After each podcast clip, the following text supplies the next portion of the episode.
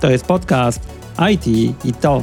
Ludzie, technologia, trendy, strategia. Podcast dla osób zajmujących się technologią zawodowo i hobbystycznie. Dowiesz się z niego o trendach technologii, poznasz ludzi, którzy zbudowali swoją karierę i rozwinęli firmy związane z technologią lub doradzają innym strategicznie w tym obszarze. Ten podcast pomoże Ci wybrać Twoją ścieżkę zawodową w świecie technologii. Pokażę, jak zbudowałem ją ja, jak budowali ją moi goście i jak możesz zrobić to Ty, czy to jako programista, konsultant, czy pracując niezależnie. Pamiętaj, mam opinię i nie zawaham się jej użyć, ale możesz się z nią nie zgodzić i na to liczę.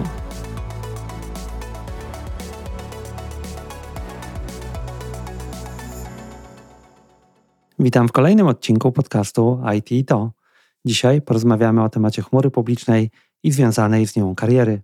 A jeżeli kariera i chmura publiczna, to pierwsza osoba, która przyszła mi do głowy, aby o tym porozmawiać, to Marek Grabasz. Marek jest uznanym ekspertem chmury publicznej, Microsoft MVP, a przy okazji architektem chmury publicznej z doświadczeniem w dużych międzynarodowych organizacjach. Porozmawiałem z Markiem o tym, jak wyglądała jego kariera od dewelopera do architekta, jakich umiejętności należy nabyć, aby zostać architektem i czym różni się to od zaawansowanego dewelopera, o trendach na rynku chmury publicznej, czy warto uczyć się jednej chmury, czy wielu chmur, o tym, jakich umiejętności musicie nabyć, ale też o trendach AI, książkach i rynku IT w Polsce. Nie opóźniając, zapraszam na ciekawą rozmowę z Markiem Grabarzem, architektem chmury publicznej. I oto nasz gość, Marek Grabarz. Cześć Tomku, dziękuję za zaproszenie.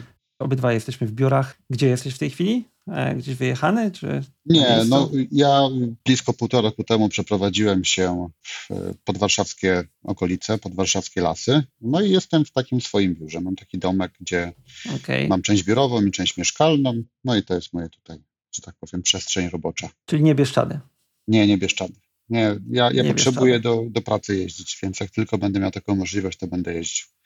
Nie codziennie, mhm. ale co najmniej dwa dni w tygodniu, raczej tak. Wiesz, mit Bieszczad dalej pokutuje, każdy by chciał wyjechać, tylko nikt nie wyjeżdża. No tak. Zaprosiłem cię, żeby porozmawiać trochę też o twojej karierze, bo powiedziałeś, że jeździsz do pracy. W tej chwili rozwijasz swoją działalność. Uwaga, reklama od sponsora, którego nie ma, Protopia, dobrze pamiętam? Tak, tak, tak. Taki pomysł. Y, jeżeli chodzi o Protopię, no to y, jest nas trzech, bo to taka powiedziałbym, świeża spółka. E, poza mną jeszcze są e, koledzy patoarchitekci, czyli Łukasz Kałuszny i Szymon Warda.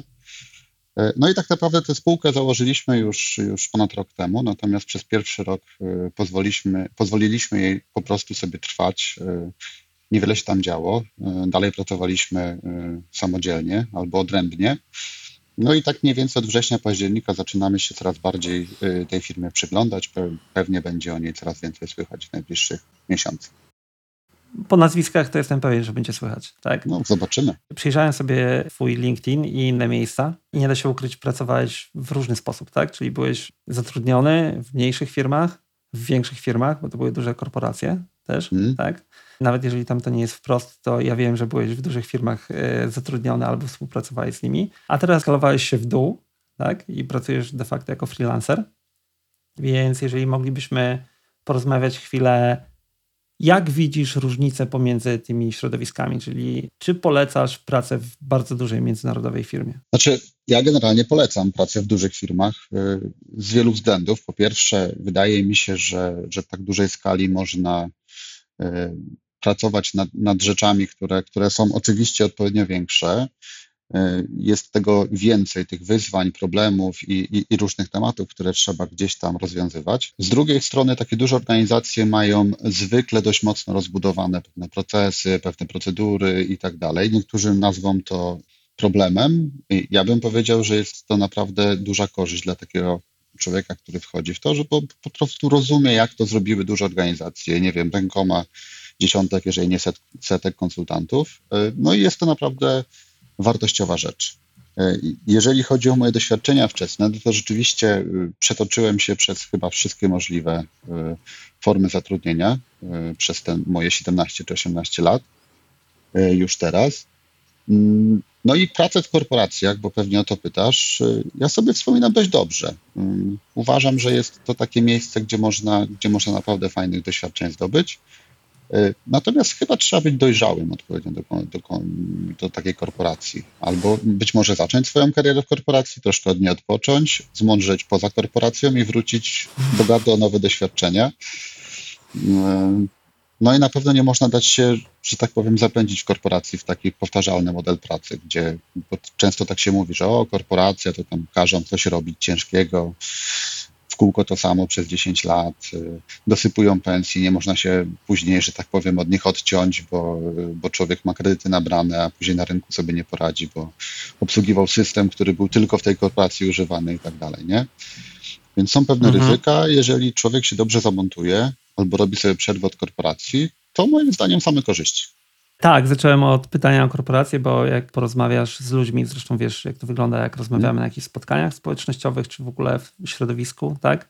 To mi to jest ten mityczny korpo, e, no. od którego wszyscy chcą się ustrzec i, i, w ogóle postrzegane jest jako całe zło i, i właśnie głównie widzą tą część e, procesową. Tutaj taka ciekawa dygresja. E, mój poprzedni gość, e, e, Krzysiek, e, powiedział, że firmy mają zapisane swoje tak jakby DNA biznesowe w procesach, tylko ludzie sobie tego nie, nie uświadamiają, tak jakby wiedza się gromadzi w procesach, a nie w ludziach, bo ludzie się zmieniają, tak? Ale z mojego punktu widzenia to też jest tak, że, yy, bo ja przyznaję się, pracowałem chwilę w korporacjach, Microsoft, HP, że to był przydatny krok kariery, którego według mnie e, niepotrzebnie niektórzy unikają. Tak? Dokładnie tak, dokładnie to, co mówię, że to są fajne doświadczenia i nie tylko nawet technologiczne, ale takie organizacyjne. Ja bym powiedział tak, mam całą masę znajomych, którzy na przykład pracowali w dużej firmie i, i po prostu jak wychodzą na rynek, nie wiem, freelancer, konsultant, czy też do jakiejś mniejszej firmy przechodzą, to, to są takimi kurczę rekinami w stadzie, naprawdę potrafią się poruszać, potrafią, nie wiem, doskonale gdzieś tam przepływać, kombinować, załatwiać rzeczy, mają mocny ten ownership, że coś muszą dowieść, są super wytrenowani, że wskakują na jakiegoś kola na rozmowę telefoniczną i po prostu gadają, albo y, potrafią słuchać, albo potrafią innym mówić. Mają naprawdę te rzeczy nauczone.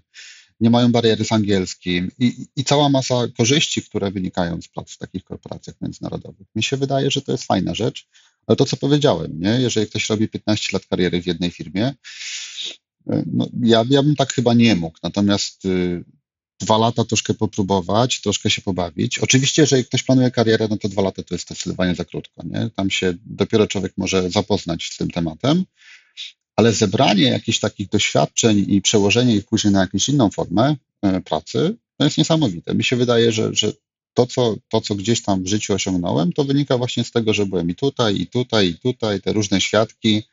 Czasem mam ochotę powiedzieć, hej, wróciłbym do korpo i spróbował raz jeszcze, ale wzbogacono o te poprzednie doświadczenia, tak? Bo to, to zupełnie inne podejście jest. No i znowu człowiek się czegoś tak, uczy, no. fajnie to wyglądało, nie? Później przekładasz to na jakąś działalność i myślisz, ach, teraz to jako tam mogę wbić na ten szczebelek wyżej na przykład i być taki mądry, nie? Fajnie to wygląda. Parafrazuję to trochę do mojej odpowiedzi na temat, czy chciałbym znowu mieć 20 lat. E, ja zawsze odpowiadam nie, bo ja się bardzo dobrze czuję w tym miejscu, w którym jestem, tak? Chyba, że mógłbym tam wrócić z tym całym doświadczeniem i e, też zasobami, które mam w tej chwili. Tak? To... No, oczywiście, oczywiście, to tak chyba każdy, każdy, ma takie marzenie, że fajnie by było być taki mądry, jak jestem dzisiaj i, i, żyć w wieku 20 lat i jeszcze być może mieć milion na koncie i w ogóle super by było, tak? A nie byłoby tak fajnie, ale, ale tak, no, to jest to kwestia, e, ten bagaż doświadczeń widzi się czasami po. To prawda, to prawda. I powrót w to samo miejsce e, może wyglądać całkiem inaczej. I też nie wiem, jak czy tak masz, bo ja tak mam, że co roku czuję się, że tak powiem, bardziej doświadczony i, i powiem szczerze, że, że to jest niesamowicie ekscytujące, nie? Jeszcze chyba mi się nie zdarzył taki rok, żebym nie poczuł się, że tak wow, ale fajnie osiągnąłem dużo rzeczy śmiesznych, fajnych, przyjemnych, nie wiem, mądrych i że jest to wartościowe, nie? Znowu dotykasz e, tematu z jednej z poprzednich rozmów, gdzie rozmawialiśmy o tym, że w którymś momencie zaczynasz pracować na swoim doświadczeniu, nawet mniej na umiejętnościach twardych, tylko na doświadczeniu, wiedzy, że coś się działo i tak dalej, i tak dalej. No to jest też trochę taki klimat, rozmawiałem z kolegą ostatnio odnośnie programistów takich 50-60-letnich. Jest to taki, w Polsce tego tak dużo nie widać, natomiast w krajach zachodnich, w USA y, jest takich ludzi więcej. I kolega właśnie wspomniał, że oj, ale jak to tak, ja mam tyle lat i jeszcze nie osiągnąłem jakichś wielkich rzeczy. Ale że można być programistą do, do, do emerytury tak naprawdę. I tacy ludzie po prostu może nie są już tacy bardzo, nie wiem, powiedziałbym, błyskotliwi w nowych technologiach, może mają troszkę większy, że tak powiem, opór wciągania tej wiedzy, natomiast oni właśnie tym swoim doświadczeniem, taką mądrością życiową dużo nadrabiają, nie? Takim spokojem, nie rzucają się, tylko po prostu robią swoje, nie? To są inne poziomy, że tak powiem, podejścia, ale, ale chyba też wartościowe. Tak mi się wydaje przynajmniej. No właśnie, i tutaj przejdźmy do trochę innego tematu, bo powiedziałeś, że e, to jest około 18 lat kariery w tej chwili, tak? Mm. Na różnych miejscach, bo korporacja czy większe firmy, freelancerka teraz startuje ze swoją działalnością. Właśnie wspomniałeś tych ludzi, którzy już są długo na rynku też, na przykład deweloperzy czy, czy w jakichś różnych miejscach. Więc jak z Twojego punktu widzenia to wygląda? No bo następny taki mit, czy może nie mit, ale opinia jest taka, że trzeba gonić za nowościami w technologii, tak, że to się zmienia bardzo szybko i tak dalej. Więc jak z Twojego punktu widzenia te zmiany w technologii wpływają na karierę, na, na to, co robisz i jak szybko to się wydarza, tak? No bo mm. w okresie tym, który pracujesz w tej chwili, to takich zmian było kilka, tak? Tylko pytanie, czy to jest faktycznie to, za czym trzeba gonić cały czas, czy to jest bardziej zmienia się z czasem, jest czas na to, żeby się przygotować, wybrać kierunek itd. Tak itd. Tak Niewątpliwie technologia się zmienia, zmienia się coraz szybciej e, i jakbym sobie pomyślał, gdybym, nie wiem, specjalizował się w rzeczach, które robiłem na samym początku swojej kariery, no to w tym momencie już by te, z tego nie było dużo wartości. Chociaż te technologie pewnie zmodyfikowane o pięć hmm. wersji do przodu w dalszym ciągu gdzieś tam funkcjonują. Czyli na przykład, nie wiem, ja zaczynałem od .NETA 1.0 czy tam 1.1, Teraz mamy jakiś tam .NET 5, tak? Zaczynałem od SQL-a bodajże 2000, SQL serwera gdzieś tam dawno temu w bazach danych, teraz SQL-a praktycznie w ogóle nie robię, aczkolwiek jest używany w dalszym ciągu, tak? Mm. Natomiast rzeczywiście moim zdaniem trzeba troszkę za technologią gonić. E, pytanie w jakim, e, jakiej, że tak powiem, metody użyć. I tutaj e, pewnie każdy powie, że ma swoją ulubioną metodę, nie wiem, nauki, nadganiania tej technologii i tak dalej. Moje podejście jest takie, żeby po prostu skoczyć do tej technologii zacząć się nią bawić. E, kompletnie mam awersję do książek technicznych. Te książki mnie po pierwszych 10 stronach usypiają. Nie jestem w stanie tego robić. E, być może na wszelkie inne, że tak powiem, telefony, maile i, i wszelkie inne rzeczy dość ciężko mi też taki e, skupienie uzyskać, czytając jakąś dokumentację i tak dalej. Więc moja metoda jest taka, że po prostu wciągnąć kawałek dokumentacji, bardzo prosty tutorial i po prostu siąść i zacząć rozwiązywać problemy tak na twardo. A najlepiej w ogóle jeszcze mhm. Y, jakby to się udało za pieniądze robić, to już w ogóle super, tak? Natomiast y, myślę, że, że to jest ten kierunek. Przynajmniej w moim przypadku to działa. Jeżeli miałbym komuś coś rekomendować, to powiedziałbym, żeby dobierał taką pracę, takie firmy, żeby te technologie jednak się pojawiały nowsze i żeby on poprzez praktykę po prostu, czy ona to doświadczenie zdobywał. zdobywał. Ale widzisz to jako taki, y, takie ciągłe gonienie króliczka i to w szybkim tempie, czy raczej. To nie do końca. Wydaje mi się, że przy pewnym poziomie doświadczenia y, nagle człowiek zauważa z wielkim zdziwieniem, że, że w sumie te technologie to się powtarzają i osiągnęliśmy jakieś nie wiadomo jakich zmian historycznie rzeczy takie jak na przykład, e, ja mówię, infrastructure as a code w chmurze, gdzieś tam mamy jakąś deklaratywne rzeczy. One już były, one gdzieś tam się pojawiały już lata wcześniej. Mm, I troszkę to jest tak, że jak e, człowiek zgłębił te pięć technologii czy sześć, to każda następna wydaje się być podobna, tylko tak to się mówi w niuansach, gdzieś tam się różni tak naprawdę. Więc mi się wydaje, że ta adopcja tych nowych rozwiązań jest o wiele prostsza. My często też e, z kolegami w, w obszarach technologii sobie dyskutujemy i, i mówimy, że tak naprawdę istotne jest e, to takie tło albo te podstawy. E, taki głęboki inżynierski sposób myślenia. Wiemy, co to są te serwery, jakieś DNS, jakieś tam, jak to działa tak naprawdę od kuchni.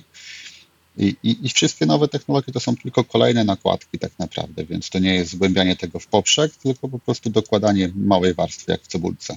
Także wydaje mi się, że to jest prostsze później już, coraz prostsze.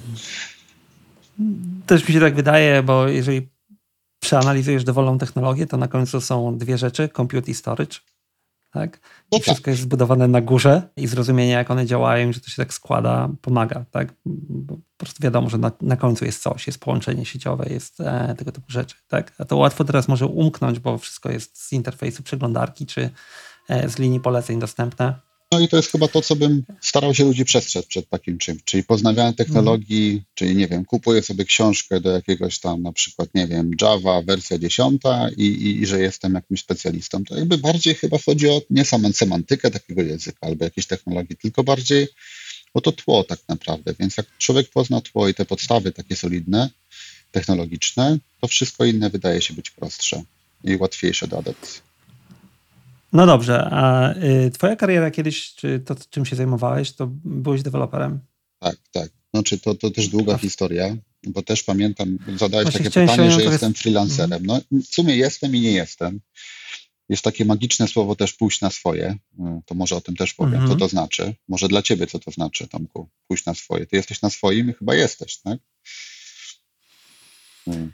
Nie wiem, czy jestem na swoim. Wiem, że y, zbudowałem firmę i chciałem coś takiego zbudować y, i, i dlatego w którymś momencie przestałem pracować na etacie i założyłem firmę. Tak? Ale teraz ty jakby dalej jesteś na etacie, tak dalej. w swojej firmie, tak? tak Tylko w swojej firmie, dokładnie, tak. Tak. E, no dobra, to trochę słów o mnie. Rzeczywiście ja zacząłem jako programista. Gdzieś tam w czasach stu moich studiów nie wiem, jakieś takie przeświadczenie krążyło, że, że programista to jest ten taki zawód, e, nie wiem, jakiś lepszy w IT niż e, jakieś inne zawody. Nie wiem, czy ono było uczciwe z perspektywy czasu, no ale tak rzeczywiście było przeświadczenie, więc wszyscy dążyli, żeby być programistami, programować. Oczywiście wszyscy też mieli zakorzenione w głowie, że zostaną później albo PM-em, albo architektem. Taka zabawna anegdotka.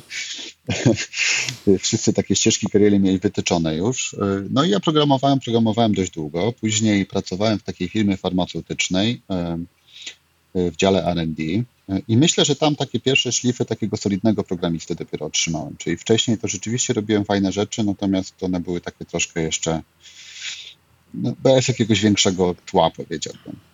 Y, no i kiedy, kiedy firma zaczęła robić jakieś potężne redukcje etatów, y, no to po prostu się przerzuciłem wtedy na, y, nazywam to, freelancerkę, czyli kontraktor. Też staram y, się dość mocno rozróżniać konsultanta od kontraktora, bo dla mnie kontraktorzy to są ci wszyscy na B2B, którzy de facto prawie są na etacie, tylko troszkę inaczej się rozliczają, troszkę inaczej to wygląda pod względem podatków. Y, no i w tym obszarze zacząłem, że tak powiem, swoje pierwsze szlify robić już jako taki doradca albo taki troszkę, powiedziałbym, człowiek w różnych firmach y, w modelu B2B na fakturę. No i w tym modelu to już ponad 10 lat tak naprawdę działam, więc to był pierwszy poziom, powiedziałbym, e, przejścia na swoje. Mm. I tutaj stopniowo z tego programisty, architekta oprogramowania zacząłem się interesować tematami chmurowymi. No i te tematy mhm. chmurowe ostatecznie weszły w firmie Lingaro, na której też notabene byłem na kontrakcie. I to była trochę dla mnie obawa, powiedziałbym szczerze, że, że nagle z takiego programisty, bo ja się czułem już jako taki, nie wiem, programista, architekta y, oprogramowania, trzeba się przerzucić troszkę w stronę infrastruktury. Y, to było takie przerażające. Natomiast ważne jest to, że ja zawsze lubiłem sobie gdzieś tam podłubać jakiegoś IIS-a ustawić, jakieś tam systemie tam rzeczy pozmieniać, coś tam pokonfigurować i tak dalej, więc to nie był taki dla mnie bariera wejścia, tylko bardziej mentalna bariera wejścia. Ale powiem szczerze, że po przejściu na tę chmurę wiele się rzeczy otworzyło, bo jakby nie przestałem myśleć jak programista, a poznałem masę różnych technologii, masę nowych ludzi, y, no dziesiątki różnych, y, powiedziałbym, nowych obszarów zostało odkryte dzięki temu. Więc chyba było warto. No od roku mamy już teraz własną spółkę i staramy się troszkę działać mhm. jeszcze szerzej niż jednoosobowa działalność gospodarcza. Z dewelopera w tej chwili, jakby nie popatrzeć, jest, jesteś znany jako e, osoba zajmująca się architekturą chmury, tak? Jak te dwa zestawy umiejętności się różnią i czy możesz zajmować się chmurą nie kodując, tak? Czyli na przykład ktoś, kto nigdy nie miał backgroundu deweloperskiego, e, może iść w stronę chmury jako takiej, tak? No, zdecydowanie. Wydaje mi się, że, że kiedyś chmura to był taki architekt chmurowy, czy ten specjalista chmurowy kojarzył się po prostu z jakąś jedną profesją, natomiast y, rozwój tej chmury jest na tyle duży, że, że tam się wyłoniła cała masa różnych e, profesji. Często mówi się, że architektem chmurowym można być z perspektywy oprogramowania, z perspektywy infrastruktury, z perspektywy security, data, AI i tak dalej. Czyli są jakieś już konkretne branże. Jest na przykład Cloud Infrastructure e, Architect albo Cloud Software Architect. To są różne, powiedziałbym, e, zakresy specjalizacji. Oczywiście ich wspólnym elementem e, jest chmura i specjalizacja chmurowa, natomiast to one się troszkę różnią. Więc odpowiadając na Twoje pytanie, zdecydowanie uważam, że można atakować tę chmurę z różnych kierunków i równie dobrze można powalczyć. To nie zmienia faktu, że fajnie, żeby sobie pokodować, jeżeli ktoś jest od infry, żeby sobie spróbował jakieś, jakieś skrypty popisać, jakiegoś może Golanga spróbował, jakiegoś Pythona. Z drugiej strony programiści, którzy, którzy nie mają świadomości infrastruktury, to dla mnie y, jednak to są bardziej programmers albo developers, a nie engineers, nie? Mam takie wrażenie, że jednak to też jest ważne. Odpowiedziałeś na, trochę na moje pytanie, czyli e, które chciałem dopiero zadać, w zasadzie nie, czyli jeżeli jesteś w tej chwili w infrastrukturze, to co byś polecił komuś, żeby zaczął robić? I tak samo, jeżeli ktoś jest w tej chwili programistą, to co byś polecił, żeby zacząć robić e, w temacie chmury? Otworzyć się na tą drugą połówkę. Wydaje mi się, że to jest chyba najlepszy kierunek e, pod względem rozwoju. No. Czyli programistom bym polecił żeby ci, bo są tacy programiści, którzy po prostu siedzą, kodują, robią tę logikę biznesową, tak powiem brzydko. E, I e, jak ktoś im mówi, a może byś tam spróbował to gdzieś tam jakiś skrypt do zainstalowania tego, albo to wdrożył, albo to sprawdził, jak to działa na jakimś tam przysłowiowym teście czy produkcie. Ja tu jestem programista, ja tylko koduję, ja tu się nie będę dotykał do jakiejś infrastruktury, niech to tam jacyś administratorzy robią, nie? Myślę, że to jest podstawowy błąd. E, mhm ograniczają się na to spektrum właśnie tych drugich doświadczeń i zrozumienia tego właśnie, jak to działa w kuchni, nie? Jak działają procesy, jak działa operations, jak działa w ogóle governance tego wszystkiego. To są takie obszary ogromne, no nieodkryte dla zwykłych programistów, którzy się tylko koncentrują na tym swoim programowaniu. Co więcej, patrząc z perspektywy biznesowej, wydaje mi się, że jak ktoś jest programistą i chce sobie robić własną firmę, no to tak naprawdę zamyka się w tym programowaniu i, i, i musi kolejny software house robić, których jest cała masa. Tak? W modelu, gdzie, mhm. gdzie bardziej dotykamy tego biznesu, e, gdzie mamy te działy IT, utrzymaniowe, infrastrukturalne, to spektrum jest o tyle szerokie, że naprawdę można powalczyć w różnych obszarach. Nie? Można, można sobie znaleźć tę niszę łatwiej, wydaje mi się. Użyłeś kilku określeń, jeżeli chodzi o stanowiska. No. I chciałem Ci zadać jedno pytanie w związku z tym, bo to jest według mnie duży miszmasz, co jak nazywamy, tak? Ale generalnie mamy ludzi, których określamy jako architekt, mamy ludzi, których określamy jako konsultant, mamy ludzi, którzy, których określamy jako inżynier. Tak? Mm. E, czy, jaka jest największa różnica dla ciebie między byciem architektem, konsultantem, a inżynierem, deweloperem? Tak? To znaczy, mm. e, to jest komplementarne, to jest kompletnie różne.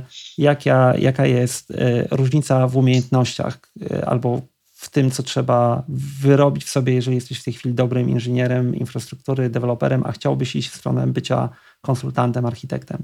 Hmm.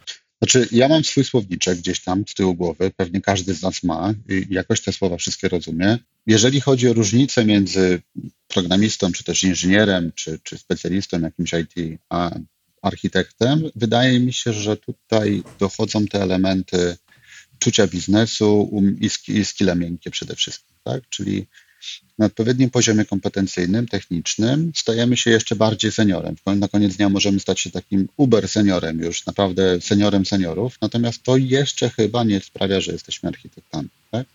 Potrafimy zaprojektować system, potrafimy utrzymać system, zrobić z niego naprawdę niesamowite wodotryski, natomiast do tej części bycia architektem brakuje jeszcze umiejętność zrozumienia biznesu, rozmowy z biznesem, przełożenia pewnych technicznych wymagań, znaczy nie technicznych na techniczne i tak dalej. Czyli, czyli ten aspekt powiedziałbym miękki i biznesowy. Mhm. To jest dla mnie architekt.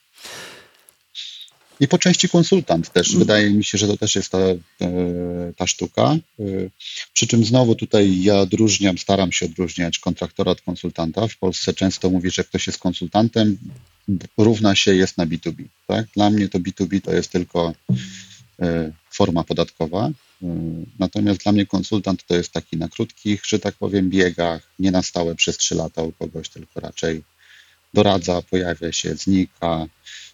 No i jest takim bardziej, powiedziałbym, no, lotnym doradcą. Pojawia się w różnych mhm. miejscach. Nie? A była jakaś rzecz, której musiałeś się oduczyć, e, zmieniając swoją rolę bardziej w stronę architekta, bycia e, właśnie doradcą? Czy było coś, co miałeś z poprzednich takie jakby rzeczy z poprzedniej kariery jako deweloper, czy bardziej bliżej rozwiązań, czego musiałeś się oduczyć, żeby być dobrym w tym, co robisz w tej chwili? Na pewno trzeba było się jednej rzeczy oduczyć, a jednocześnie nauczyć z drugiej, albo jednocześnie to są dwie mhm. rzeczy sprzęgające się. To znaczy umiejętność słuchania, mm, to jest chyba taka rzecz, która, która jest bardzo istotna, y, czyli zamiast mówić za dużo, zamiast y, rzucać jakimiś hasłami, w szczególności złożonymi jakimiś hasłami związanymi z IT, z technologią. Warto troszkę posłuchać, warto spojrzeć, kto jest po drugiej stronie, kto jest rozmówcą i dostosować ten język do tej drugiej osoby, ale też troszkę pozwolić jej się wygadać tej osobie. Zacząć aktywnie mhm. słuchać. Ludzie naprawdę lubią mówić, ludzie lubią być słuchani, więc chyba istotne jest, żeby nauczyć się słuchać i stymulować tę rozmowę w taki sposób, żeby, żeby oni chcieli mówić, nie? Jednocześnie ich rozumieć jak najbardziej, nie? Mhm. I komunikować się w ich języku. No to jest taka rzecz dość skomplikowana i dlatego mówię o tym skillu miękkim właśnie, o tych umiejętnościach miękkich, które są chyba niezbędne, żeby być skutecznym konsultantem czy architektem. Znowu ciekawe, bo to jest temat, który wyszedł mi też w poprzedniej rozmowie i w tej chwili skończyłem czytać książkę, The Rest, e, podlinkuję ją potem i tam jest taki jeden rozdział, który nawet przekułem na przyszły wpis na blogu Soft Skills or the Hard Currency, e, gdzie wszyscy przeważnie patrzą, w szczególności na początkowym etapie kariery, wszyscy patrzą na te bardzo ciężkie techniczne umiejętności. Tak, tak, tak, Oczywiście one są potrzebne, ale to, co ja zaobserwowałem, to, że te miękkie, miękkie umiejętności schodzą bardzo na trzeci, czwarty plan, dopiero potem wszyscy się łapią, a jednak by się przydało. To było odwrotnie. Tak. I pamiętam, jak wysłałeś mi mhm. takie, że tak powiem, y, skrót y, tematów, o których być może będziemy rozmawiać. Tam się pojawiło taki czarny koń, czyli na co bym obstawiał, mhm. co jest ważne i istotne. Właśnie chciałem przewrotnie powiedzieć, że, że to, co wszyscy czują pod skórą, ale wszyscy starają się ominąć, czyli dokładnie ten miękkie skilla, nie? czyli dokładnie to, co jest de facto tym elementem, gdzie nikt tego nie obstawia, a, a powinni wszyscy podziałać nie? w tym obszarze. Uprzedzam tylko, e, że wysła... mieliśmy tematy, ale odpowiedzi nie były ustalone z góry. E, nie, nie, nie, nie, nie, nie zastanawiał. Część tematów się pojawiła, natomiast ja tylko tak, żeby mhm. wiedzieć, o czym będziemy rozmawiać. Troszkę w, w ramach wytłumaczenia Tomek dopiero przecież zaczyna. Jeszcze y, kiedy dostałem zaproszenie, kompletnie nie wiedziałem, o czym będziemy rozmawiać i, i to będzie o technologii, czy o naszym ukochanym identity, czy może jeszcze o czym innym. O identity porozmawiamy kiedy indziej. Przeskoczmy w tej chwili na technologię.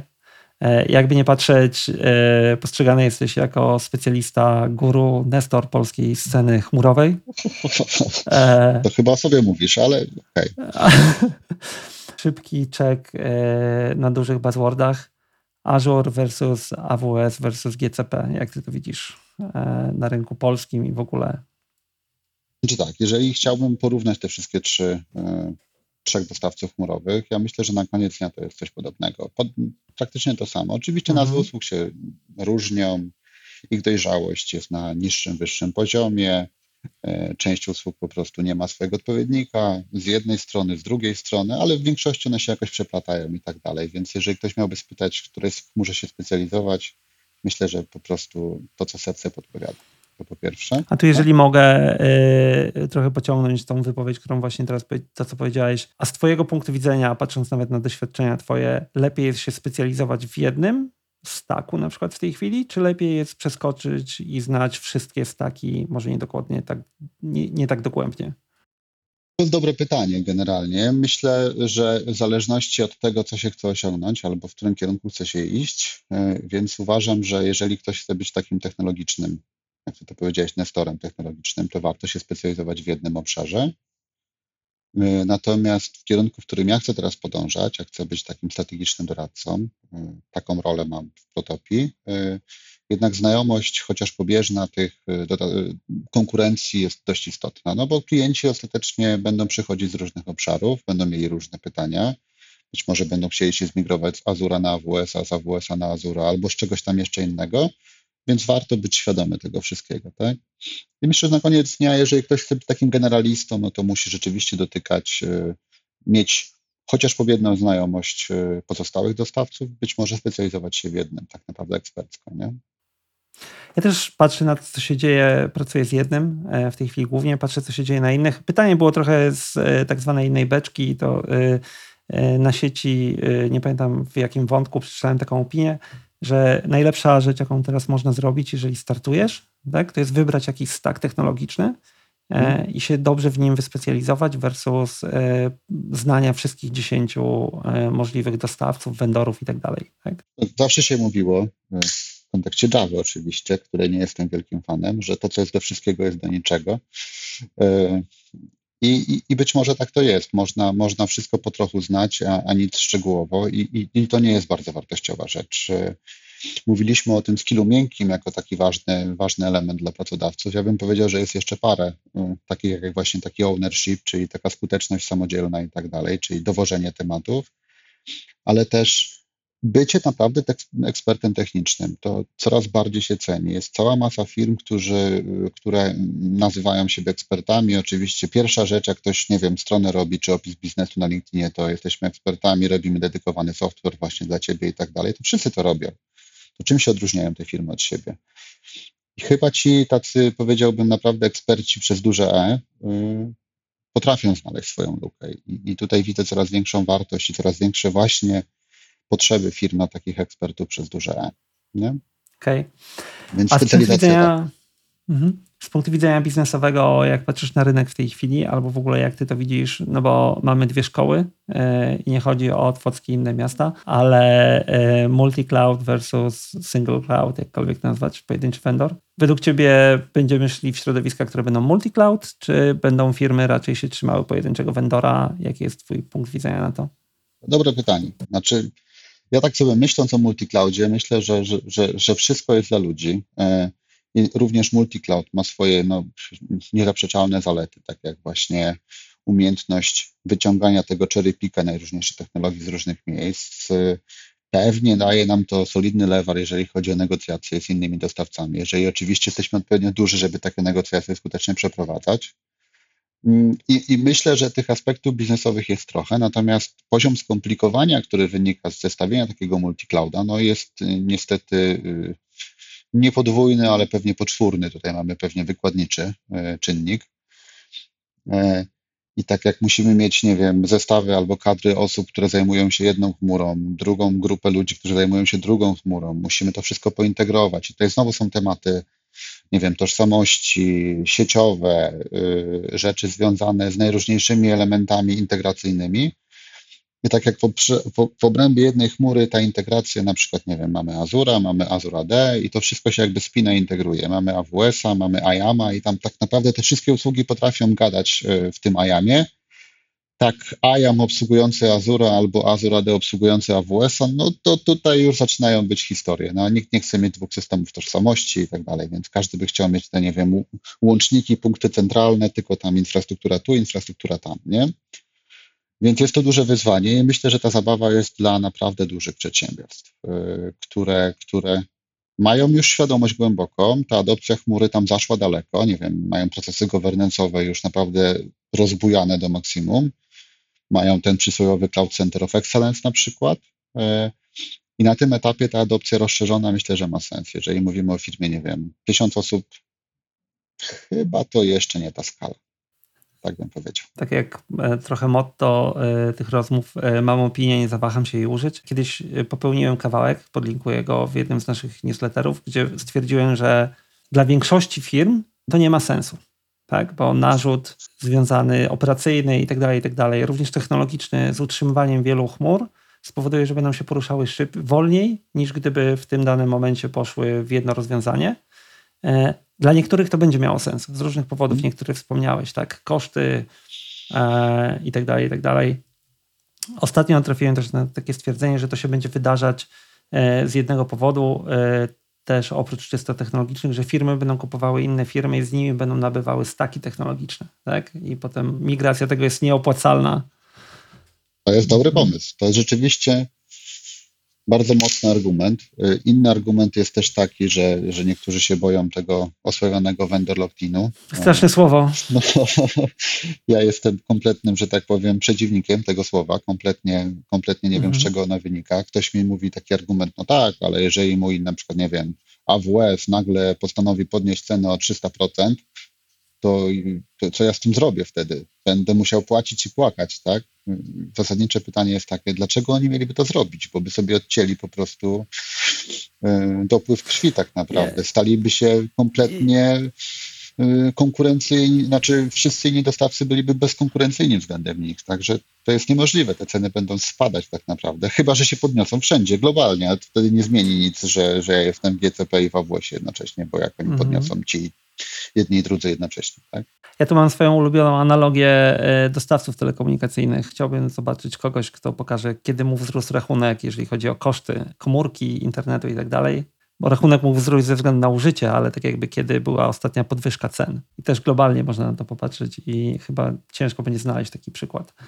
No tak, ale ktoś powie na przykład login jest taki, że jak mam, nie wiem, telefon w plusie i tam plus siądzie na całym, że tak powiem, w całej Polsce z jakiegoś powodu, to jeszcze mam jakiś backup w postaci Orange'a i mój biznes może się kręcić przez te dwa dni. Nie wiem. No być może, natomiast też z drugiej Można. strony powiedzmy, że ci dostawcy tak konstruują te chmury, żeby to naprawdę było wysoko dostępne mhm. i wyżyłowane na, na maksimum tak naprawdę, nie?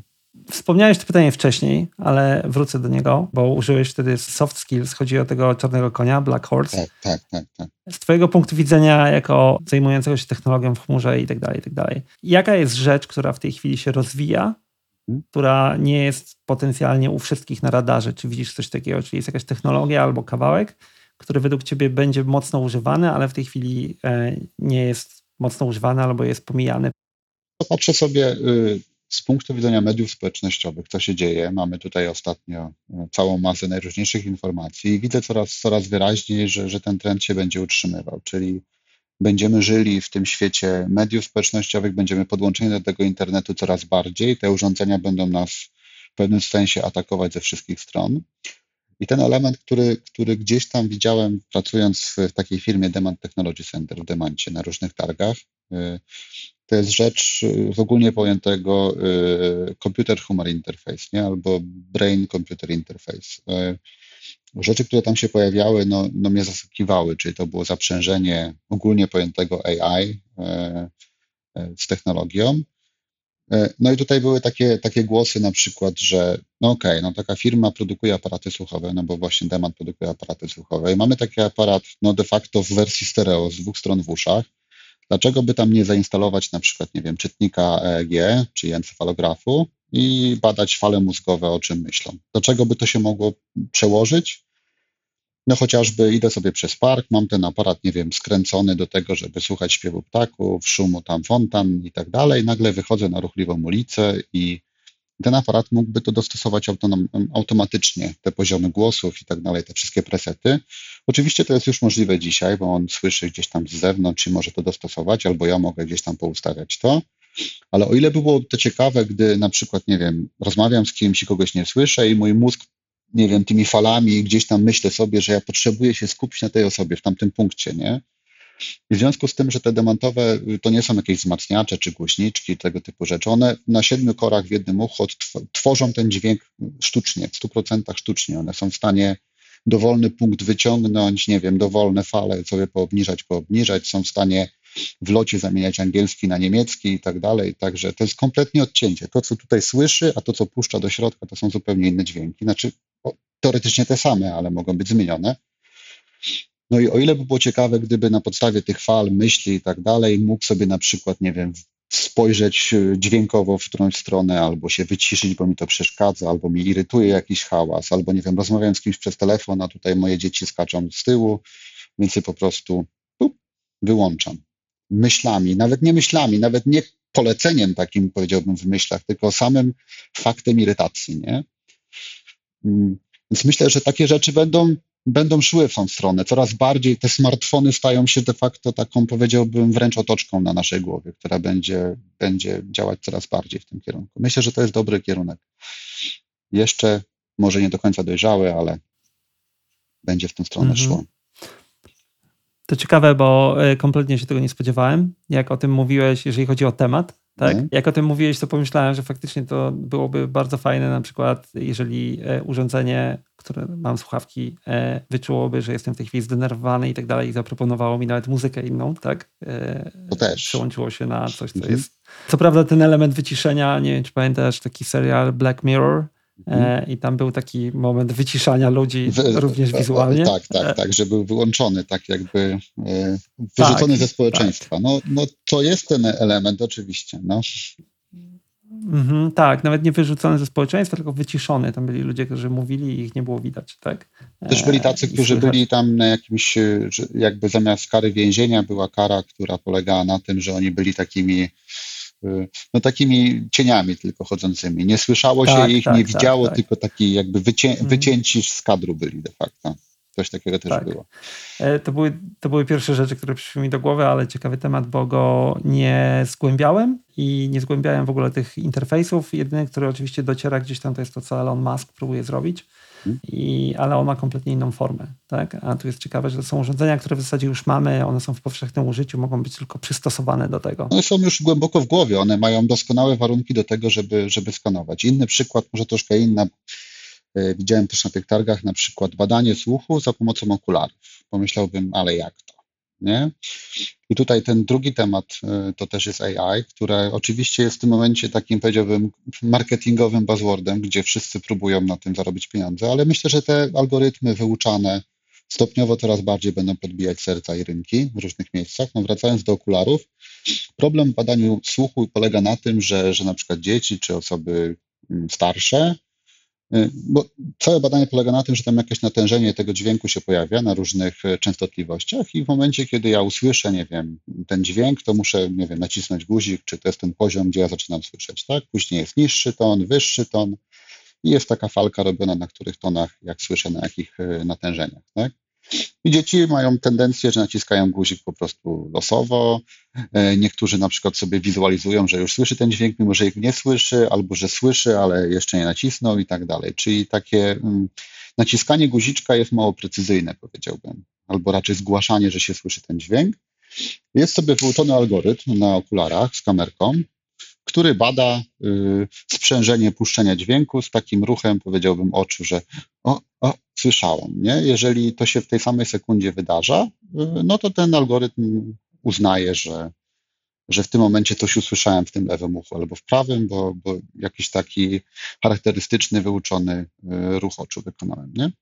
Zanim przejdziemy jeszcze do kolejnych rzeczy, mam jedno pytanie odnośnie Twojej kariery, mhm. E, które chciałem zadać.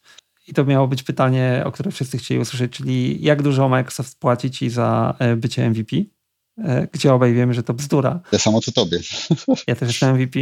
Tak, ale krótko, gdybyś mógł powiedzieć, e, bo jesteś MVP, mhm. tak? Co ci to dało? jako tytuł? Bo ja wiem, co mi to dało, ale chciałem usłyszeć Twoją mhm. perspektywę. Co ci to dało jako osiągnięcie tego tytułu? Bo teraz trochę szerzej takie same tytuły są, e, czy takie same e, wyróżnienia są też u innych vendorów. Tak? tak, tak I jest. jest. takie, tak, często się spotykamy, tak jak ja czy ty, gdzie ludzie się pytają to, co mam zrobić, albo czy warto. Mhm. Tak? Więc pytanie, czy warto, co ci to dało i, i jak to widzisz po tylu latach? Zdecydowanie warto, natomiast y, tutaj jest pewien taki problem, co było pierwsze jajko czy kura i może tutaj warto o tym powiedzieć. Mhm. Moim zdaniem y, i, i widzę całą masę ludzi, którzy po prostu uznali, że ten tytuł MVP jest dla nich takim, powiedziałbym, celem. Ja to mówię tak, tryhardują albo na siłę próbują dojechać do tego mhm. momentu, tak? Więc to nie jest jakiś certyfikat, to nie jest jakiś taki element gdzieś tam, który poświadcza moją wiedzę i tak dalej to nie jest jakiś, jakaś brama do, do największych kontraktów i zarobków. Znam też e, osoby MVP, które mają ten tytuł, a, a, jakoś im się to nie zmieniło jakoś szczególnie. Wydaje mi się, że tą wartością MVP nie jest sam fakt do otrzymania go, tylko ta droga, którą trzeba przebyć, żeby go uzyskać. E, E, to wszystko które, rzeczy, które, które gdzieś tam sprawiają, że nie wiem, pojawiamy się publicznie, występujemy gdzieś tam na konferencjach, prowadzimy jakąś grupę, sprawiają, że stajemy się osobą rozpoznawalną, uczymy się właśnie tych skilli miękkich, umiejętność prezentacji, umiejętność mówienia, umiejętność niekrępowania się przed własnym głosem, własną twarzą, e, umiejętność pisania z sensem na jakichś blogach, cała masa rzeczy, które, które sprawiają, że, że ta droga, albo ta droga sprawia, że, że tych rzeczy się uczymy. Tak? I w momencie, kiedy to MVP już wpada, to to jest taki bardziej na zasadzie pieczątka good job, nie? A nie jak certyfikat czy umiejętność. Y, I to z kolei się przekłada na to, że chyba wartościowa jest ta droga, więc jeżeli ktoś próbuje na siłę zdobyć ten tytuł MVP, nie wiem, wyważyć ten system po prostu y, albo schakować, to nie, nie dostanie tej wartości, która jest tą drogą do MVP, więc y, każdemu by powiedział, że ok, jeżeli ktoś chce być, nie wiem, e, AWS Hero, ktoś chce być mhm. MVP, ktoś chce być, nie wiem, Google, tam developer, nie pamiętam jak to się nazywa, jest też. Jest. I, Każdy ma taki sam problem. W każdej firmie, jakiś tam Sitecore, Oracle, pewnie IBM, VMware, wszyscy mają jakieś swoje programiki, więc sama droga osiągnięcia jest chyba najważniejsza. I znowu okay. o tym soft skillu, tak, mówimy. To jest ten element, który, który się będzie powtarzał. Także nie. Bycie samym MVP to już nie jest ten frajda, jak zdobywanie MVP, tak bym powiedział. Będę czekał na e, pierwszego gościa, który powie, że soft skills się e, nie przydają. To będzie ciekawa rozmowa, bo na razie track no, record no, no. jest taki, że wszyscy mówią soft skills, soft skills, tak? I chyba tak będzie dalej, nie? Chyba, że zaprosisz takiego juniora, który świeże studia skończył, teraz się już uczy super technologii, nie? To może tak Zobaczymy. być. To może być też ciekawa opcja. Perspektywę poznać. Pytanie, książka, osoba, cokolwiek, co byś zarekomendował w tej chwili, która ostatnio dołożyła się do Twojego e, rozwoju albo Cię zaciekawiła? Film, dokument, cokolwiek. Rzecz, która Cię ostatnio zainspirowała albo osoba. Po, po, po, świętach tych książek trochę przybyło, mhm. taki stosik mam do przeczytania. Ja bym chciał od, nawiązać do takiej książki e, bardziej już, że tak powiem, wiekowej. Ja myślę, że na ze 30 lat już będzie miała. E, mianowicie gra Endera Orson Scott Card. Pewnie mm. kojarzysz, bo ty pewnie Dobra pozycja. czytasz. Tak. Dobra pozycja. I, I, w ogóle Orson Scott Card jest y, dość mocno, mm, nie wiem, ceniony przez krytyków, dlatego że on potrafił na przykład ująć ten charakter dziecka, no bo de facto książka jest o tym, że jest sobie taki geniusz, y, młody chłopak, który jest od samego początku przygotowany do tego, żeby, żeby walczyć z obcą cywilizacją albo żeby odeprzeć atak obcej cywilizacji, ale de facto może raczej zaatakować w ramach kontrataku. Mhm. E, I oczywiście patrzenie na tą perspektywę tego dziecka, sama książka w ogóle jest ciekawa, gdzie on tam się uczy, zdobywa jakieś tam kolejne szlify i tak dalej. Natomiast ja nie o tym. E, teraz nie wiem, czy mogę jakiś spoiler zrobić, bo mnie zafascynowała tak naprawdę ostatnia kartka tej książki, albo ostatnie dwie Uwaga. kartki tej książki. No. Uwaga, będzie spoiler. Uwaga, spoiler Kto planuje ale... czytać, e, proszę wyciszyć następną minutę. Dobra. No i chodzi przede wszystkim o to, że w momencie, kiedy no, okazuje się, że ci obcy to jest tak naprawdę jak, jak taki rój, tak? Czyli jest sobie jakaś królowa matka, która kontroluje, że tak powiem, tych żołnierzy myślami. De facto jedyną duszę albo świadomość ma właśnie ta królowa matka, a ci żołnierze to są po prostu takie, powiedziałbym, e, bezwolne mróweczki, które gdzieś tam walczą w tych statkach kosmicznych. Z drugiej strony ona uderzając na Ziemię albo na Ziemian, myślała, że działamy w podobnym modelu. Nie? Czyli, że ci żołnierze pojedynczy ziemscy to są tylko po prostu takie mrówki, które po prostu jak pionki na szachownicy można przestawiać i tak dalej. I moment tego uświadomienia sobie, kiedy ona, ta królowa matka sobie uświadomiła i kiedy my jako czytelnicy dowiadujemy się, jak de facto ten cały konflikt wygląda, jak on był skonstruowany, daje dużo do myślenia, że gdybyśmy kiedykolwiek spotkali się z jakąś obcą cywilizacją, albo w ogóle gdziekolwiek nasze poznanie jest bardzo mocno obciążone tym, co bazuje na naszych doświadczeniach. Jeżeli myślimy mhm. sobie w jakiś sposób, to dość ciężko jest później się przestawić, że coś może działać zupełnie inaczej, inaczej niż nasza intuicja podpowiada, inaczej niż y, my przez dziesiątki, nie wiem, lat doświadczeń zebraliśmy, jesteśmy przekonani, że nie może być inaczej.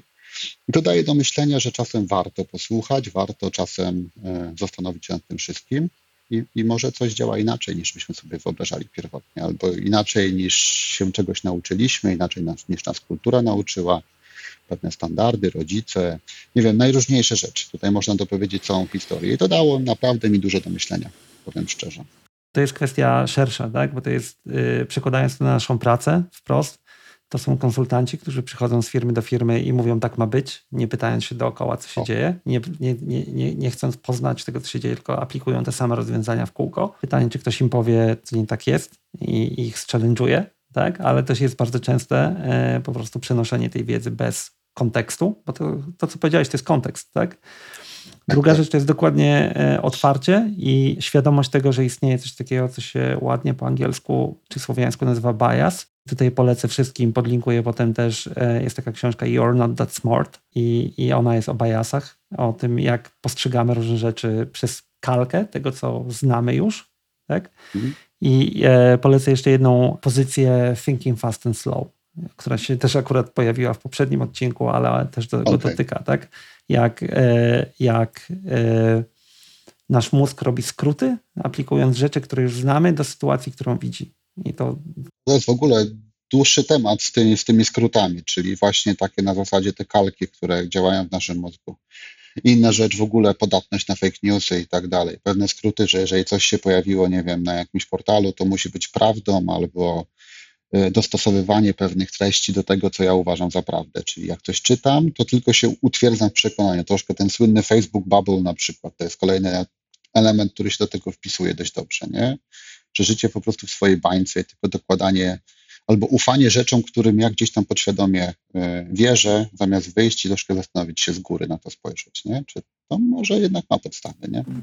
Teraz e, dokładając do gry Endera, bardzo dobra pozycja i trochę nawiązując do technologii. Polecam w ogóle film też, e, de facto jest całkiem dobry.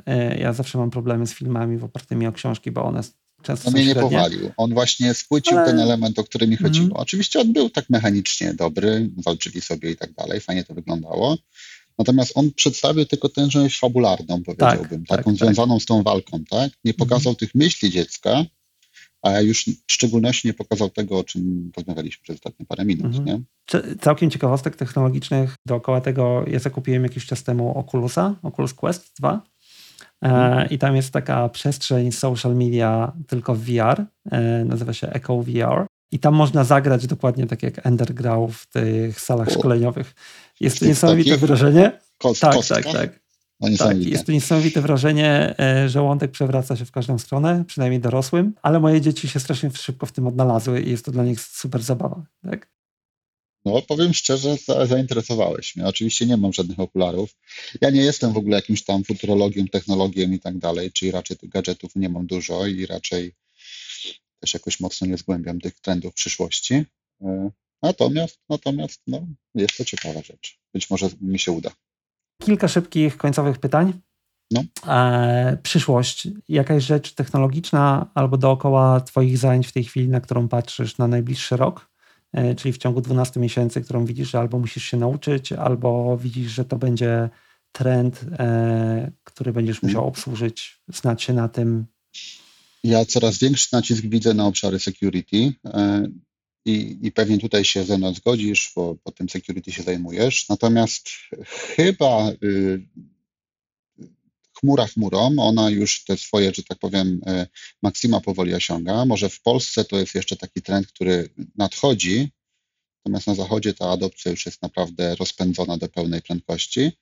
Natomiast to, co za chmurą, idzie zabezpieczenie tego wszystkiego w odpowiedni sposób i te obszary security, o tym się mówi już od dwóch, trzech lat, natomiast y, w dalszym ciągu wydaje mi się, że jest dużo rzeczy do zrobienia, dużo rzeczy do nauczenia się, tym bardziej tych wszystkich rozwiązań, pomysłów, obszarów, gdzie to security powinno być odpowiednio zaaplikowane, jest cała masa, więc to jest chyba ten obszar, który ja będę w dalszym ciągu rozwijał przez najbliższy rok, czyli ten aspekt security, w szczególności enterprise security, czyli podejście okay. takie, powiedziałbym, holistyczne, nie na jedną usługę, tylko na całe wdrożenia, na narzędy usług, jak one wzajemnie będą się pod kątem security wybraniać i wspierać, nie?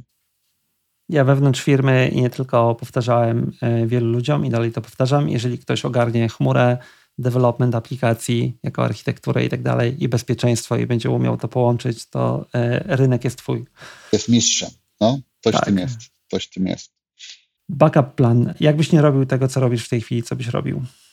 W związku z tym, że mamy taką firmę doradczą, e, tych kontaktów biznesowych mamy naprawdę coraz więcej, e, tych relacji, znajomości, najróżniejszych, że tak powiem, no powiedziałbym, projektów, które realizujemy jest dużo, więc backup plan, jeżeli, jeżeli bym się zmęczył technologią albo bym uznał, że już nie warto gonić tego króliczka i tak dalej, to myślę, że bym się gdzieś zaszył na jakiegoś senior menadżera technologicznego e, w jakiejś firmie doradczej, tam bym sobie, że tak powiem, szukał emerytury. Czyli nie Bieszczady.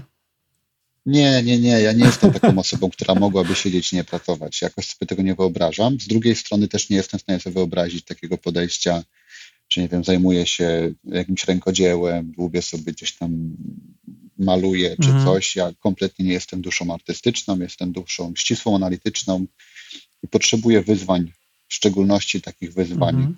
technicznych, y, wyzwań jakichś biznesowych, żeby coś działać. Tak? Także nie, nie wyobrażam sobie emerytury raczej. Dobrze. Do samego końca teraz... będę walczył. E, to już wiemy, kto wyłączył ostatnią serwerownię w chmurze. Grabarz? Tak. Pytanie o y, przyszłość i przeszłość, czyli jakbyś miał coś powiedzieć swojemu dwudziestokilkuletniemu ty teraz, mając ten bagaż i doświadczenia, to co to by było? Mhm. Jedna rzecz. ale będę znowu przynudzał. Powiedziałbym to samo, co wcześniej, czyli połączyłbym dwa, czyli ta droga do MVP, ale nie sam tytuł MVP. Mhm. Droga do MVP, przećwiczyłbym ją o wiele wcześniej, albo radziłbym swojemu, e, swojemu sobie 20 lat temu przećwiczyć ją o wiele wcześniej, żeby tych wszystkich ludzi, te wszystkie umiejętności, te wszystkie, nie wiem, podejście do technologii już, już wtedy zacząć wdrażać, tak? Myślę, Mhm. że, że te ileś tam lat bycia deweloperem wolałbym y, podkręcić na bycie, bycie na tej ścieżce do MVP. I nawet nie mówię o tym samym tytule, tak jak mówię, tylko bardziej chodzi o, o, o samą drogę. Czyli przekłada się to na rozwój tego skilla miękkiego i tych umiejętności. Zrobić to Mhm. wcześniej, odpowiednio wcześniej. Nie? Zmądrzeć, E, dorośleć wcześniej. Myślę, że się nie da zmądrzeć, wydorośleć wcześniej, to abstrahując, tak? Ale o tym, co Mhm. powiedziałeś, ja podlinkuję swój wpis, bo oczywiście na pewno czytałeś wpis u mnie na blogu, ale jeżeli nie, to ci go też podeślę, ale dokładnie o tym napisałem, e, tak? Że gdzie bym zaczął, gdybym zaczął teraz, zacząłbym maksymalizować ilość swoich opportunities, szans na przyszłość przez tego typu działania dużo wcześniej, tak? To akurat nam się zgrało. Ten link podlinkuję, e, żeby inni Chyba nie czytałem przeczytać. akurat tego artykułu. Mhm. Znaczy ja czytałem Nie, to było blog, jak był ironiczne. po, jak był po polsku, dużo mi się gdzieś tam Mhm. trafiał, e, natomiast jakoś go zgubiłem, kiedy przeszedł na onyszko.com. E, Nie wiem, czy tam Nie ma sprawy. Nie jest, to, nie jest to wymagana lektura, ale akurat e, jakiś czas Oczywiście. temu popełniłem e, tekst, e, którym, w którym dokładnie o tym mówiłem, że gdybym był teraz albo co bym robił, maksymalizowałbym swoje szanse, w jaki sposób wychodząc na zewnątrz, robiąc wiele rzeczy, pokazując się i tak dalej, i tak dalej. Tak? Bo to, To jest niesamowita szanse. wartość, bycie takim właśnie Mhm. osobą, która, która działa gdzieś tam, dzieli się wiedzą, dyskutuje, pokazuje się i tak dalej. Przekłada się to na niesamowite ilości różnych możliwości. Mhm. Tak mi się wydaje. No zresztą pewnie w 100% potwierdzasz.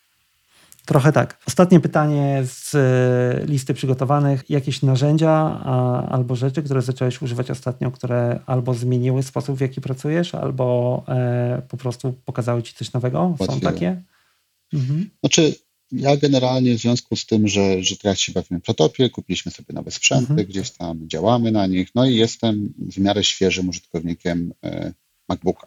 Mhm. I tutaj troszkę odkrywam narzędzia, pewnie stare odgrzewane kotlety, e, ale one poprawiają produktywność. Na przykład rzeczą, która mi mocno brakowała e, po przejściu na Maca, no to jest możliwość tego snapowania okienek w różnych miejscach. Mhm. I tutaj na przykład pojawił się ten magnet, gdzieś tam kolega z Mareczyńskim polecił Michał.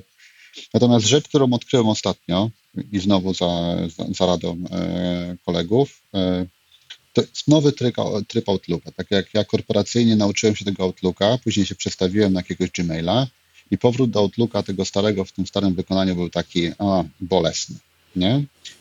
No i to, co się okazało, w Outlooku tym, przynajmniej Macowym, nie wiem jak Windowsowym, jest taki fajny przełącznik na górze po prawej, e, nowy widok, czy też nowa forma tego Outlooka i powiem szczerze, że po paru dosłownie dniach używania, no, no kocham ten interfejs, on bardzo poprawił mi produktywność, także jeżeli, jeżeli ktoś ma Maca y, i myśli o jakimś kliencie poczty, to myślę, że to jest dobra rekomendacja, żeby sprawdzić Outlooka w tym wykonaniu nowy widok. Nie?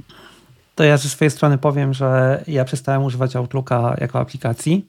E, przepiąłem się w całości na Outlook Web Access e, jako e, PWA, Progressive Web Mhm. Application. E, I to samo e, zrobiłem na Macu, którego mam w domu. E, I zarówno na Windows, jak i na Macu używam w tej chwili OWA w formie aplikacji. Więc nawet nie Wygląda. wiem, jak wygląda aktualny klient. A no właśnie. Jest to bardzo wygodne. No to może Twoja rekomendacja też warto ją rozważyć. Ja, ja generalnie myśląc sobie Mhm. o tych wszystkich narzędziach webowych, bo u nas w przez moment, znaczy do tej pory mieliśmy jeszcze e, e, Google Docsy. E, jednocześnie teraz e, będziemy się pewnie przestawiać na, na Office'a z powrotem. I powiem szczerze, że mi jakoś nie leżą do końca te aplikacje online'owe. Tak? One, one niby są, ale nie czuję ich do końca. Ja jednak wolę mieć ten pliczek na desktopie czasem, po prostu go zaploadować bardziej, obrobić go lokalnie, niż tak go w chmurze obrabiać. Nie? No, Ale polecam zerknij na Outlooka Web Access jako aplikacja, bo ona się przypina, Popatrzę. normalnie działa. Jedna rzecz, którą zauważyłem, e, jest, że po prostu ona posiada dużo więcej możliwości i one się tam pojawiają z dnia na dzień, e, ponieważ jest to Mhm. forma webowa, tak? A nie różni się w Okej. użyciu od aplikacji desktopowej, bo masz ikonę, klikasz, ona się otwiera, wygląda jak aplikacja Próbuję. desktopowa. Popróbuję, E, dzięki bardzo za ciekawe. Dobrze się rozmawiało, ale e, chyba czas Świetnie. zakończyć. Dziękuję Ci bardzo za udział. Porozmawialiśmy sporo. Dziękuję za ciekawe tematy. Część e, znałem z góry, część jest niespodzianką. Także dziękuję Ci bardzo za zaproszenie. No i e, powodzenia z podcastem. Jak już wystartuje, to pewnie oglądalność strzeli do niebotycznych poziomów. Zobaczymy, czy umiem w podcasty, e, ale dzięki rozmowom z takimi ludźmi jak ty jest, mam nadzieję, że będzie dobrze. To był Marek Grabasz, architekt, Nestor Chmury, strategiczny konsultant w Protopia. Dzięki. Możliwość prowadzenia takich rozmów jak z Markiem jest całą przyjemnością tworzenia tego podcastu dla Was. Krótkie podsumowanie z mojej strony. Praca w dużych międzynarodowych firmach, czyli jak to się określa korporacjach, może być dla Was cennym doświadczeniem. Nie należy za wszelką cenę jej unikać. Warto jednak uważać na pułapkę działania w czymś, co, jest, co istnieje tylko w realiach danej firmy. Praca w takiej korporacji to przydatny krok. Pokaże Wam, jak zorganizować procesy jak działa organizacja w skali, co może Wam się potem przydać, czy to w własnej działalności, czy pracy z innymi ludźmi. Jeżeli chodzi o technologię, e, tak, należy za nią gonić. Technologie się zmieniają, ale podstawy zostają te same. Na podstawie poprzednich doświadczeń i znajomości podstaw łatwo adaptować kolejne zmiany technologiczne. Tak więc znajomość podstaw to podstawa. Chmura to złożone środowisko i ma wiele odmian. Można się w niej odnaleźć w różnych rolach i różnych zajęciach. Może to być architektura aplikacji, można zajmować się infrastrukturą czy analityką danych. To, co jest interesujące, to przydaje się znajomość zagadnień pomiędzy tymi obszarami i ciekawe rzeczy tak naprawdę dzieją się na ich przecięciu, więc rozglądajcie się dookoła w swoich chmurach. Jako programista otwórzcie się na inne obszary, zainteresujcie się tym, jak działa utrzymanie, jak działa governance, podejdźcie do ludzi, dla których realizujecie biznesową logikę i porozmawiajcie, po co ten kod piszecie. Tak samo, jeżeli działacie w obszarze infrastruktury, zainteresujcie się tym, co robią koledzy programiści. Przyjrzyj się drugiej stronie, to otwiera możliwości. Jaka jest największa różnica pomiędzy architektem a inżynierem? W roli architekta do umiejętności technicznych dochodzą umiejętności miękkie i zrozumienie elementu biznesowego. Trzeba wiedzieć, jak przełożyć te wymagania na rozwiązania technologiczne. Jako architekt musisz nauczyć się słuchać. Aktywne słuchanie to umiejętność, która bardzo się przydaje i to potwierdzam też ze swojego doświadczenia. Naucz się aktywnie słuchać, naucz się rozumieć, kto jest Twoim rozmówcą i dostosowywać swój język do jego potrzeb. Uwierzcie mi, nasz żargon IT słabo się przyjmuje u ludzi, którzy na co dzień w nim nie żyją. Jeżeli chodzi o chmurę, wszyscy dostawcy chmury oferują podobny zestaw usług. Na początkowym etapie kariery skupcie się na jednym, poznajcie go dobrze, zostańcie ekspertem. Warto specjalizować się w jednym obszarze i dobrze w nim się poruszać. W miarę rozwoju kariery zacznijcie interesować się szerszym kontekstem i tym, co oferują inni dostawcy, tak aby móc porównać, doradzić w wyborze odpowiednich rozwiązań technologicznych. Nieważne od chmury, w której pracujecie, cenne umiejętności to zawsze dowożenie tematów i ownership. To się ceni. Potwierdzam, u mnie w firmie w Predika jest to jedna z głównych cech, na które kładziemy nacisk. Kolejna rzecz to bycie ekspertem technicznym przez duże E. Dobre umiejętności zawsze się bronią, niezależnie od jej, ich obszaru, sytuacji na rynku czy technologii. Jeżeli chodzi o podejście oparte o różne chmury, ma ono swoje zalety, ale znacznie podnosi skomplikowanie na poziomie integracji. Tak więc na początkowym etapie zajmijcie się jedną, w miarę oswojenia się z tą jedną chmurą, przyjrzyjcie się innym. To się sprawdzi, ale tylko w tych organizacjach, które mogą z tego wyciągnąć benefity, czyli przeważnie w większych firmach. Zwracaj uwagę i obserwuj schematy, w których działasz. Warto spróbować się z nich wyrwać. Czasami spojrzenie z boku i zastanowienie się, czy możemy coś zrobić inaczej, przynosi bardzo dobre rezultaty. I ostatnia myśl, dzielenie się wiedzą i wychodzenie z nią na zewnątrz tworzy dla Was szansę na bycie zauważonym. Przez to zmiany w karierze i jej rozwój. Warto zrobić co wcześniej, warto się tego uczyć, warto to robić. To moje wnioski z rozmowy z Markiem Grabarzem, architektem chmury publicznej. Ja przy okazji dowiedziałem się o kilku nieoczywistych dla mnie zastosowaniach technologii, którą określamy teraz jako AI. To wszystko w tym odcinku podcastu IT to. Zachęcam Was do przesyłania Waszych pytań na adres podcast.onyszko.com. Nagrajcie swoją wypowiedź, zadajcie swoje pytanie, postaram się odpowiedzieć na nie ja albo zadam je swoim gościom. Do usłyszenia w kolejnym odcinku podcastu IT to.